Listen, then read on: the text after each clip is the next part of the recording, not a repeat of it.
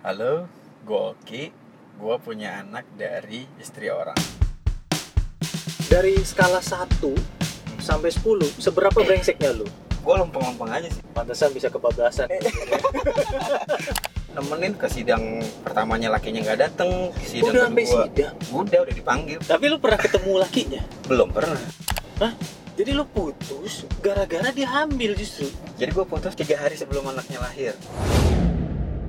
Selamat datang di Keras Kepala Podcast barengan sama gue Iksan Utama. Tempatnya lo bisa mendengarkan cerita-cerita luar biasa tapi dari orang biasa. Ini maksudnya orang biasa ini dia bukan selebriti, bukan orang terkenal, orang-orang biasa aja. Cuma mungkin ceritanya ini lebih luar biasa daripada orang-orang luar biasa yang kita kenal, ya. Sekarang gue udah barengan sama Oki. Oki, sehat? Iya, Ki? sehat. Sehat ya? Gue kira gue masih dengerin openingnya. Oh, udah boleh ngomong ya? lo kayak lagi lagi memikirkan sesuatu gitu Nggak, gue nungguin kapan gue boleh ngomongnya nih dari tadi. boleh Oh, ngomong, boleh ngomong ya jadi Oki ini em, apa ya gue bisa bilang hidupnya agak lucu sedikit mengejutkan gitu ya. Banyak plot twistnya. banyak plot twistnya jadi Oki ini ya punya anak dari istri orang ini sebelum kita masuk kenapa bisa dari skala 1 Hmm. sampai 10 seberapa brengseknya lu? Gue lempeng-lempeng aja sih. Oh, pantesan bisa kebablasan. Eh. gitu ya. Menurut gue sih gue nggak nggak nggak brengsek. ya. Enggak, soalnya kan berbanding lurus tuh tingkat kebrengsekan sama keahlian. Kan? Biasanya yang makin brengsek tuh makin ahli tuh. Nggak mungkin kebablasan Nggak gitu. nggak nggak. Ini siapa sih orangnya? Mantan atau siapa sih? Ya mantan sih hitungannya. ya. Pacaran berapa lama? Tiga tahun sih kalau dihitung. Oke. Flawless tuh gue lumayan sama dia. Tiga tahun pacaran, putus sudah? Putus udah dua tahun berarti sekarang. Putus sudah dua tahun sampai sekarang. Iya. Berarti dia nikahnya baru dong? Lah dia nikahnya dari udah lama kan. Sebenarnya gue awal tuh nggak tahu kalau dia udah nikah. What? Sumpah. Lebih absurd lagi soalnya kan kayak ini orang bebas banget nih hidupnya gitu kayak ketemu gitu makan sampai jam 11 jam 12 kok santai-santai aja nih. Gue nganterin ke rumahnya, dikenalin sama bapak ibunya sama adik-adiknya. Hmm. Sampai dia bilang kalau nggak salah dia harus cabut ke rumah suaminya. Ah, gimana sih konsep kehidupan berumah tangga lu gue bilang ya. Menurut dia sih kayak kalau di rumahnya orang tuanya ini Uh-huh. dia lebih dekat ke kantornya dibanding Oke. di rumah suaminya. Rumah suaminya sama orang tua suaminya juga maksudnya. Oke. Terus gue bilang ketemunya gimana? Weekend. Lalu kan weekend sama gue, gue bilang. Heeh. Ya akhirnya diceritalah tuh kehidupannya dia, rumah tangganya dia dari sisi si ceweknya nih Oke. balik lagi. Tapi dia tuh balik lagi tuh nggak sih apa namanya kayak pembuktian-pembuktian apa yang dia omongin tuh ini buktinya ini dia ngomongin lakinya gini jadi nggak cuman wah laki gua brengsek bla bla bla bla, tapi nggak ada buktinya nah dia tuh buktiin semua dan Heeh. ya emang bener ada semua bukti-buktinya Hmm. nyata gitu Itu pacaran baru. waktu itu baru jadi gue juga sebenarnya sih shock nggak shock sih ya udah sih gue mikirnya waktu itu ah bini orang nih gue bilang nggak ada gue Ah. gitu sempat kayak gitu cuman dia ngerasa kayak ya udah kalau lo nggak yakin ya jangan Ah. tapi dia bilang sih waktu itu sama gue ya Mhm. itu udah ot- otw cermai eh cerai OTW cermai tapi Aduh. lu pacaran 3 tahun. iya itu nggak cara cerai alhamdulillah jadi dia baru nikah satu setengah tahun lah Oke. Nah, terus eh, dia ngegapin cowoknya tuh ternyata udah punya pacar setahun. Aduh, ini kenapa pernikahannya? Iya, jadi kayak malam-malam dia eh, ngelihat handphone lakinya ada Heeh. ada notif. Dulu masih BBM kata dia. Heeh. Oh, langsung sama dia langsung diklarifikasi. Si lakinya ngakuin, "Iya, pacar gua." gitu. Hmm. Ini balik lagi ya, ini dari sisi si ceweknya, Ceweknya, kan. Terus dia ngegapin lakinya selingkuh, cekin segala sampai akhirnya mereka berdua kayak bikin komitmen gitu kayak lo boleh deh pergi sama perempuan lo itu udah terserah deh mau Ah. si ceweknya nih Heeh. tapi jangan sampai keluarga gue tahu nih kalau lo pergi sama perempuan lo tuh gitu Oke. sambil kita nunggu proses cerainya nih dia Mhm, bilang mhm. kalau bisa lo jangan sampai ke expose dulu lah hubungan lo nih sama ceweknya ha. nah, nah, akhirnya balik lagi nih ke gua sama dia gue bilang kayak udah ini mau gimana gue bilang Hmm. kalau lo mau gue tetap jalan ya sama aja lo mau kayak laki lo gue bilang Heeh. Mendingan ya udah lo selesaiin dulu sama laki lo gue tungguin ntar kalau lo udah selesai lo kabarin gue ya udah kita bisa jalan Oke. lagi gue bilang Hmm. gitu dibilang ya tapi gue nggak mau lost kontak juga sama guanya dia dia bilang. Oh, jadi lo nemenin dia sampai Gua nemenin dalam sampai semua, proses lah gitu ya. nemenin ke sidang pertamanya lakinya nggak dateng ke sidang Udah kedua sidang. udah udah dipanggil tapi si- balik lagi si keluarga ceweknya nggak tahu Oke. oh sama ini dia kayak bilang ke gue kayak dia nikah kayak udah dua tahun kok abis itu gue nggak pernah disentuh-sentuh nih bahasanya gitu kan Oke. sama dia ah nggak disentuh gimana gue bilang nggak mungkin lah lu tidur seranjang masa nggak bersentuhan gue Heeh. enggak ya bener gini nah akhirnya dia waktu itu ada penyakit gue nggak tahu apa sih namanya tuh kalau perempuan tuh ada mium apa gitu. Kista-kista gitu Iya kayak ya. kisah-kisah gitu nah gue nemenin dia ke dokternya kayak keluar hasil ronsennya gitu lah Hmm. di USG-nya gitu si dokternya ngomong ke gue lah kan karena gue datengin berdua gue disangkain suaminya Suaminya. dong Iya. terus kayak Bapak, maaf nih, saya mau tanya. Dia bilang terakhir berhubungan kapan? Gitu. Heeh. Terus gue langsung nengok kan sama dia kayak. Wih kemarin masih ini gue gitu gitu Eh, bercanda-bercanda eh, dokternya eh. langsung kayak kayak ngegas langsung ngegas kayak enggak nih nggak mungkin nih dia bilang ini kalau dilihat dari hasil ininya nih kayak apa ya ini banyak banget si itunya tuh si penyakitnya tuh ya. kista-kistanya tuh Eh. miumnya itu karena kayak ini kayak udah lama banget nggak ada aktivitas seksual nih kata Oh. dia gitu ah Pada saat itu sama lu pun belum? belum lah Oh, belum. Ya. Oke. belum tuh sama sekali oh gitu dok iya nih kata dia ngobatinnya ngilanginnya ya harus hamil nanti kalau dia hamil tuh dia kebawa semua tapi se- Hmm. seben- sebelum itu terjadi ya kita ngebantuinnya dipanasin lah di te- di terapi lah Terapi, dia di, oke. disinarin apa Ah, gitu ah. suka dipanasin gitu nanti dia Hmm. ngilangin-ngilangin nah soalnya si penyakitnya si kista-kista itu katanya menghalangi jalurnya sperma sampai ke ovum dia Oke. bilang oh gitu dok ya nah tuh abis itu kan jadi kayak oh nih pembuktian lagi kalau dia beneran nggak disentuh sama lakinya Oke. Oh gitu ya ya ya ya ya udah gue ya udah tuh gue percaya semua jadinya Hmm. apa yang dia iniin Hmm. Jadi maksudnya lo deket, ternyata dia udah nikah, tapi dibuktiin bahwa memang pernikahannya nggak bahagia, Nah. lagi proses cerai juga. Bahkan lo sempet datang ke iya sempet ditunjukin sama dia ini surat ininya nih surat mau apa sih namanya mau sidang gugatannya gugatannya. ini gue udah gugat terus nih panggilan sidangnya ya udah kalau mau datang ke sidangan gue Ah. temenin ayo gue Oke. Tapi tiga tahun itu dia belum belum cerai-cerai juga nih ya? Belum Belum ya? belum Oke. nah jadi di rentan gue akhirnya pacaran nih sama dia nih Aha.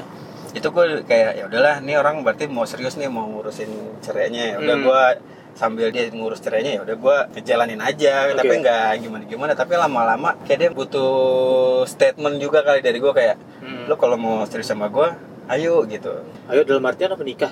Iya, kan gue emang arahnya ke sana sebenarnya Oke. sama dia. Lo kalau kelar sama dia, masa ide lo udah kelar, ya udah ntar gue ngomong sama orang tua lo, gue bilang gitu. Wow. Dari lo nya pun berarti emang udah niat ya? Ya, Sebenarnya. niat lah, orang cakep.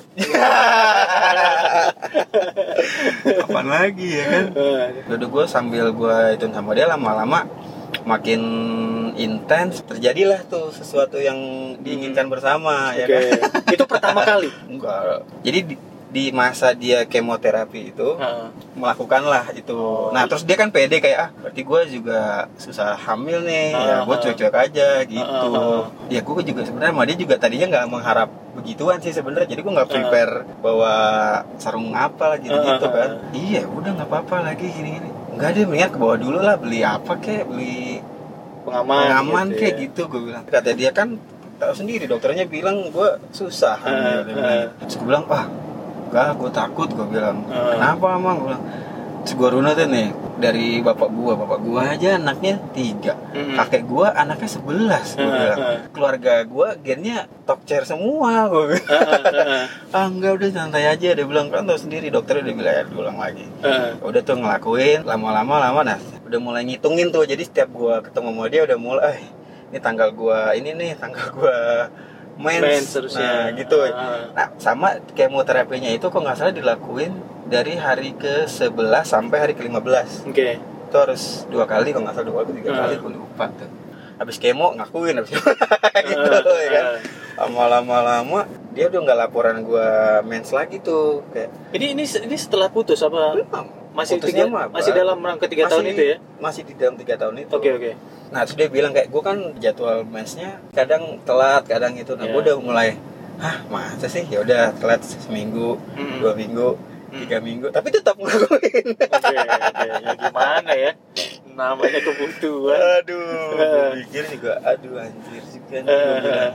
nah di antara gue ngakuin itu sambil gue update terus gimana proses cerai, Cerai, lu gue bilang iya dia udah bikin kuasa ke pengacaranya dia Hmm, bilang hmm. segala macem. Hmm. kayaknya dalam waktu dekat. Nah itu kok nggak salah kondisinya tuh bulan Maret ya.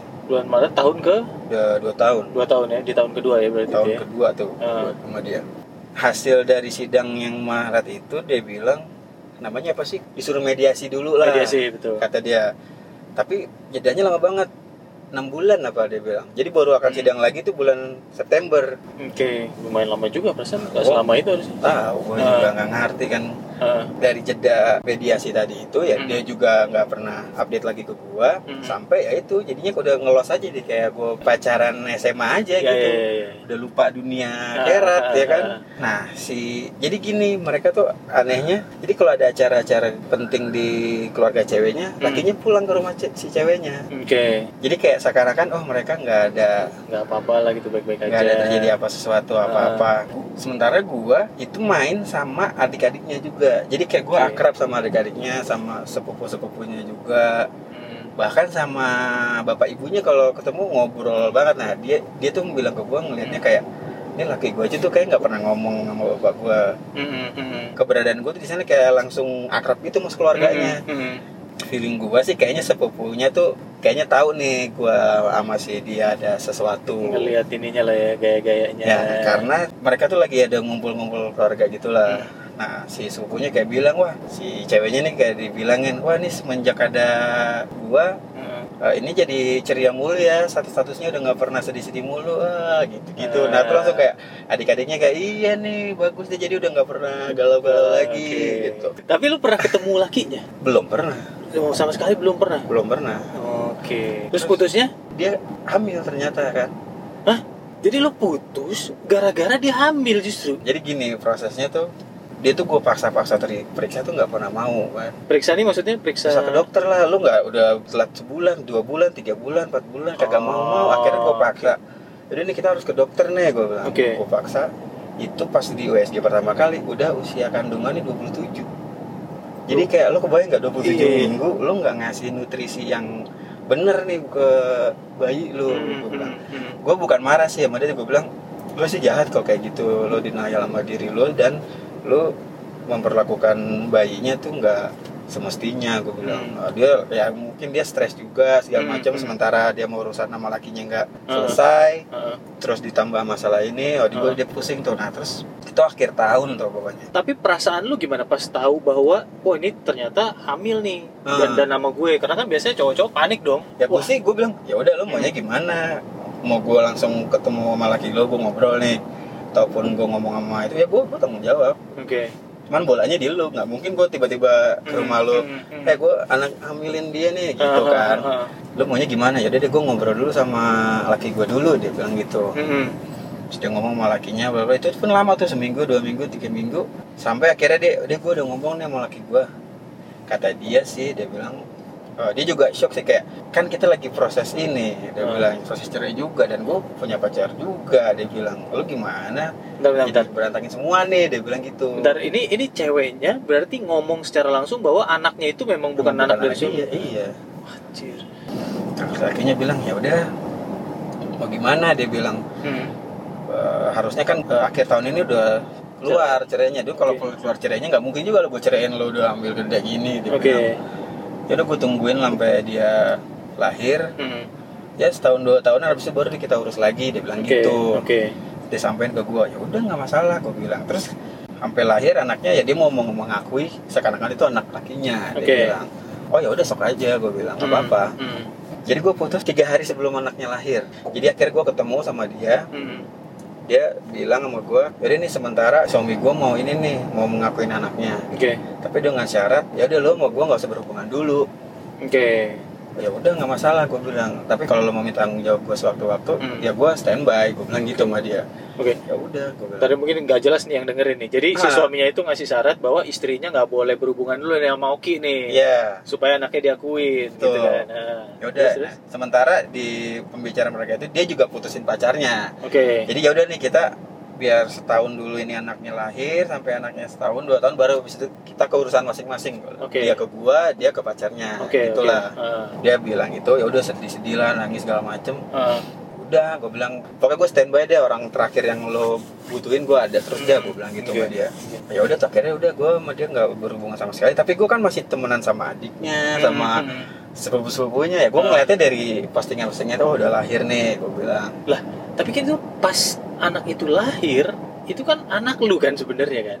Ya. Lu nggak datang nggak ada di situ? Enggak men gue nggak nengokin juga. Ya biar dia mereka fokus kali. Terus gue juga bilang sama dia mungkin nanti kalau anaknya lahir lakinya lu sama laki lu juga jadi ini juga bisa jadi apa? Baik. Ya jadi rukun lagi Jadi rukun. segala macem.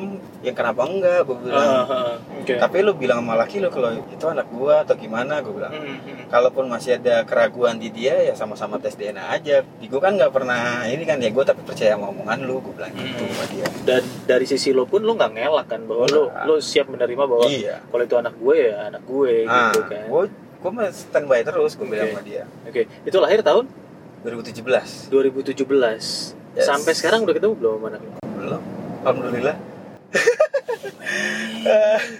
sepupunya itu udah sama adik-adiknya tuh kayak mulai ngerasa di gue kok udah nggak pernah main ke rumahnya Ah, ya kan? ah, kerjaan gue lagi banyak gitu Ah, segala ah. macem Oke, nggak tahu sih gue sih belum pernah punya anak ya. Ah. Tapi kan katanya kan kalau sama anak tuh kayak segala macam cara dicoba gitu. Lu pernah berusaha nggak buat nemuin anak lu deh paling nggak gitu?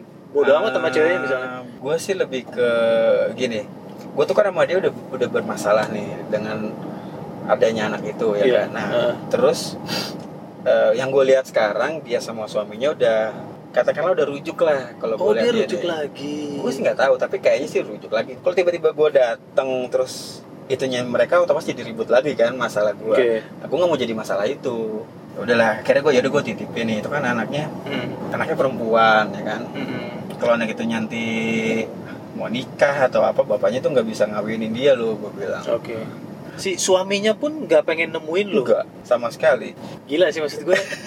lu tiga tahun berarti kan? tiga tahun Tiga itu. tahun lu tidak bisa ngeliat anak lu. nah, Tapi kalau misalnya gue tanya jujur ya, maksudnya kalau di dalam posisi ini mungkin untuk beberapa laki-laki ya yang bisa dibilang brengsek lah gitu ya. Ah. Maksudnya posisi lo ini sebenarnya tuh menguntungkan kan, karena kayak wah asik, gue nggak perlu tanggung jawab nih, hmm, biarin aja deh gue bebas gitu. Cuman kalau dari omongan lo tuh gue ngerasa bahwa lo udah siap banget sebenarnya untuk tanggung jawab, mengakui ini anak lo, bahkan Iyalah. menikahi mau cewek itu gua. gitu. emang di awal gue sebenarnya mau niatnya mau ke arah situ sama Ah. dia semenjak itu gue kayak misalnya gue deket sama orang baru gitu ya Hmm. gue ceritain masalah ini gue punya masih ada beban masa lalu di gue Hmm. nanti kalau misalnya lo mau gue jadi berumah tangga segala macem tiba-tiba kita udah tua ada orang ngaku itu anak gue ya lo Ah. udah tahu ceritanya dari gue kayak gini gue gitu sih Oke, oke. Jadi lo menganggap ini tuh nggak sebagai suatu keberuntungan berarti nggak nggak gue bebas nih nggak enggak ya gue menurut gue ini mungkin masalah yang akan selesai nantilah waktunya. Belum rezeki gue sekarang buat tahu ketemu anak gue segala itu belum sih. Gue bilang nanti aja gue simpen. Oke. Lo ngelihat anak lo berarti terakhir kapan? belum nanti dari postingan Iya. adik-adiknya sama sepupunya aja. Masih baru-baru ini. kemarin masih.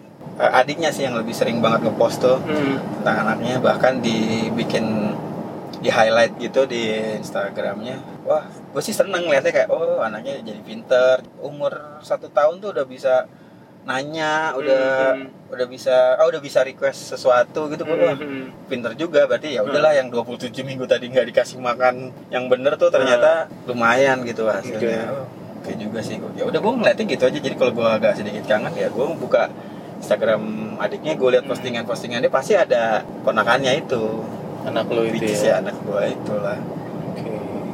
Tiga tahun nunggu sabar untuk nggak ketemu. Sampai berapa lama kira-kira lo mau bertahan untuk nunggu nahan diri?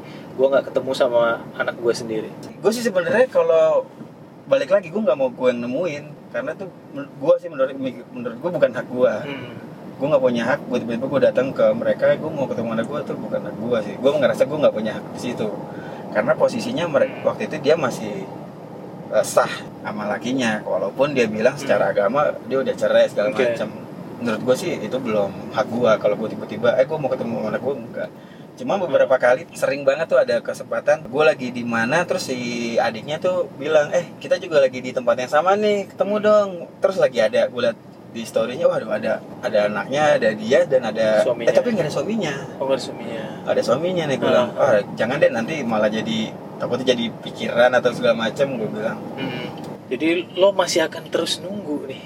ya posisi gue gitu nunggu terus sampai antara dia atau suaminya Hmm. atau orang tua Mereka. mantan gue itu Eh, karena kan sebenarnya mereka semua kan tahu kan. Sampai keluarga-keluarganya pun tahu bahwa itu bukan anak dari suaminya, kan anak lu kan.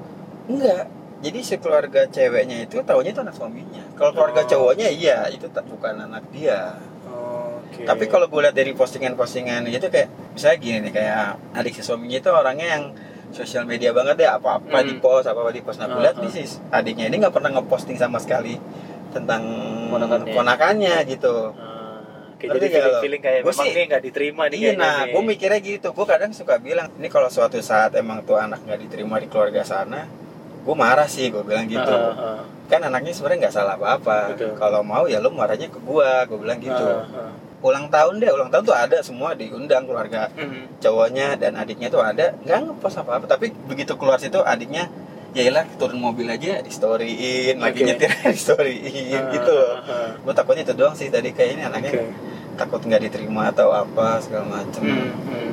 udah gue nunggu aja posisi ya ini amit-amit ya tapi misalnya si anak ini sakit gitu lu ngeliat wah lagi masuk rumah sakit gitu lo akan dateng? Udah udah beberapa kali gue lihat sakit. Dia tuh paling lumayan sering rumah masuk masuk rumah sakit. Si anak lo ini? Anaknya ini karena DBD lah. Jadi dari keluarga si ceweknya dia tuh kan cucu pertama. Ah, wah ratu banget lah dia. Oke. Sakit dikit sama kakeknya langsung dibawa ke rumah sakit, Ah, ah. dua hari tiga hari pulang. Cuman kan gue kayak ngeliat postingan kayak anak kecil masih setahun udah diinfus tuh kayak Ah, gue juga perih ya kan ngeliatnya. Ah. wah Pedih banget nih Hmm. Terus gue gue dapat kabar ya semua tuh dapat kabarnya dari postingan-postingan adik-adiknya dan sepupu-sepupunya aja gue Hmm, hmm. nggak pernah gue nanya langsung gue nggak pernah Oke. Atau gini deh, apa yang akan membuat lo memutuskan bahwa wah gue udah saatnya gue berhenti nunggu nih saatnya gue nggak akan nunggu mereka yang nyamperin gue ngasih izin ke gue tapi ini udah saatnya gue yang nyamperin deh gitu apa kira-kira yang yang bikin Hmm. lo bakal punya keputusan itu gue sih belum ada ya kayak gitu ya pikiran gue itu sekarang sih gue Hmm. mikir ya itu tadi gue takutnya ternyata si lakinya atau si mantan gue tuh nggak suka kalau gue ketemu anaknya kan jadi masalah lagi ntar ya dan dan mungkin anaknya karena masih tiga tahunan juga umurnya Nah. mungkin belum tahu juga kan bapaknya siapa kan sebenarnya kan. ya itu tanggung jawab mereka berdua sih buat Ah. ngasih tahu anaknya Ah, ya gue semua sih selama pada nge-posting tentang si anak itu ya gue temu kangennya dari postingan postingan itu aja udah Oke. Keluarga lo tahu nggak kejadian ini? Nggak. Lo punya anak itu? Nggak. Oke. Jadi someday ada anak gitu juga pun keluarga lo akan shock juga mungkin ya. tapi mak gue tahu gue dulu pacaran sama dia dia masih proses cerai mak gue Hmm. tahu gue cerita sampai situ cuman nggak cerita kalau ternyata kebobol Men. Terakhir mungkin kalau misalnya ya tanpa menyebut nama ya kalau misalnya Ah. si cewek itu dengerin nih obrolan ini entah dari mana ya, iya iya lo mau ngomong apa sama dia? ya gue sih gue apa ya ya gue sih alhamdulillah kalau lo sekarang ternyata udah bahagia sama hidup lo yang sekarang ya bagus lah itu buat lo dan ya emang lo deserve buat hidup kayak gini mungkin tapi ya kalau dia butuh sosok gue tiba-tiba itu buat diperluin gue siap gue standby itu aja Kalau lo nanti udah punya pacar misalnya, nah terus tiba-tiba dia bilang nikahin aku sekarang, Nah, itu tuh. gue sih pernah bilang, ya jadi gue pernah kemarin sempat pacaran lah. Dia bilang kalau kita udah nikah tiba-tiba dia cerai, terus gimana? Ya gue kan masih sama lu, ya udah gue paling kita jadi nambah anak aja, gue bilang gitu sama dia. Si, cewek gue. si pacar lo. Mm-mm. Hmm, oke. Kalau dia mah ya udah, kan gue posisinya gue udah punya orang, nggak mungkin lah gue ceraiin dia terus gue malu. kalau udah kalau udah nikah, kalau masih pacaran, ya kalau masih pacaran nggak enggak lah pasti gue masih yang sama pacar gue jarang sih menurut gua cowok yang sebertanggung jawab ini ya maksud gua kayak hari ini kita bisa ngedengar ada seorang Oki yang justru udah siap gitu ya ini ini anak gue ayo lo nikah sama gue gue mau bertanggung jawab tapi memang ceweknya yang menolak gitu ya dalam tanda kutip keberadaannya Oki gitu. Jadi ya segitu lucunya sih hidup sih. Oke Ki thank you. Udah mampir-mampir Yes, ya. sama-sama mudah-mudahan um, update gue terus perkembangannya Wah, gimana. siap, siap. siapa tahu nanti ada jalan cerah. Minimal buat lo ketemu sama anak lo aja itu sih yang paling gue gue Ya, sih kalau mau ketemu anak gue itu. Gue pasti pengennya sama ya sama ibunya juga. Hmm. kalau bisa malah sama suaminya sih. Ya kalau mau ngobrol bertiga gitu Oke. mau gimana ke depannya esok aja gue bilang. Amin amin. Sampai ya? Sampai ya. Apa ya? Tadi gue mau ralat tuh kayak wah beberapa orang mungkin beruntung jadi ya kesannya tanda kutip nggak bertanggung jawab. Mm-mm. tapi buat gue nih jadi kayak beban masa lalu ya nggak sih? Ya, ya baru akan tahu itunya tuh nanti kalau anak itu udah umur 17 tahun. Ataupun tuh anak dia anaknya mau nikah ya kan? Mm-mm. sama satu lagi gue nggak tahu sih kalau tiba-tiba gue udah meninggal duluan ya kan? Ya ya balik lagi tuh ke- terserah ibunya maunya gimana. Tapi kalau menurut gue sih eh, nggak ada yang perlu lo khawatirkan sih karena em, ketika dia nanti datang ke lo ya, lo bisa dengan bangganya bilang bahwa di momen itu ketika lo tahu bahwa si cewek ini hamil, lo dengan eh, 100% mau bertanggung jawab kan. banget Si anak ini nggak mungkin marah sama lo sih karena memang lo mau bertanggung jawab itu. Mungkin marah ke ibunya justru bukan ke sih, ya gue takut malah sih. jadi malah ibunya Ya, gue gak sabar sih nunggu update-nya. Mudah-mudahan Amin. nggak perlu sampai dia umur 17 tahun. Oke, udah bisa ketemu sama anaknya. Amin, amin, amin. Dan mudah-mudahan kalau momen itu terjadi pun semuanya baik-baik aja Ki ya. Ya, Semuanya happy ending, semuanya tenang ya.